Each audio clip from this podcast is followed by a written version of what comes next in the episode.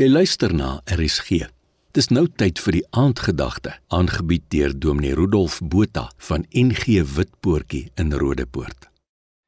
Romeine 12 vers 2 lees ons: Julle moenie aan hierdie wêreld gelykvormig wees nie, maar verander word deur die vernuwing van julle denke, sodat julle goed kan onderskei wat die goeie en aanneemlike en volmaakte wil van God is.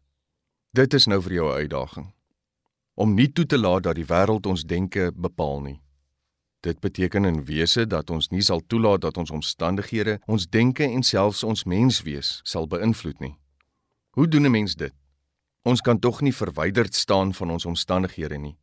Ons kan tog mos nie maak asof die realiteit nie bestaan nie. Dit is wel so, maar om nie daardeur regeer te word nie. Dit is wat ons nie moet toelaat nie. Terwyl die wêreld wreed en donker is, moet ons gedagtes nie ook wreed en donker wees nie.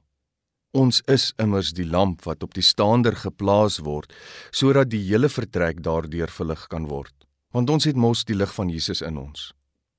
Paulus skryf hierdie brief aan die gelowiges in Rome terwyl hy onskuldig in die tronk sit. So hy weet presies wat hy sê.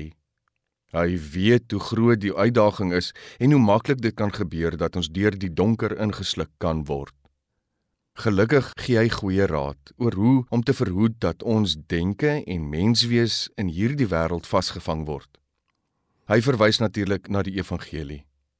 Die evangelie wat vir ons leer dat God se koninkryk anders is as die wêreld. Om as burgers van die koninkryk van God te staan, moet ons ook anders wees. 1 Petrus hoofstuk 1 vers 15 lees ons dat ons moet heilig wees want God is heilig. Die woord heilig beteken nie ons moet perfek en foutloos wees nie. Dit kan ons tog nooit wees nie.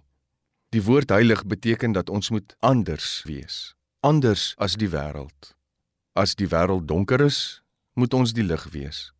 As die wêreld liefdeloos en vol haat is, dan moet ons God se liefde leef en uitdeel. As die wêreld hopeloos is, moet ons die hoop van die evangelie deel. Dit is wat dit beteken om heilig te wees en daarom leer Paulus vir ons dat ons nie met die wêreld gelykvormig moet word nie. Dit begin deurdat ons toelaat dat die evangelie ons denke vernuwe.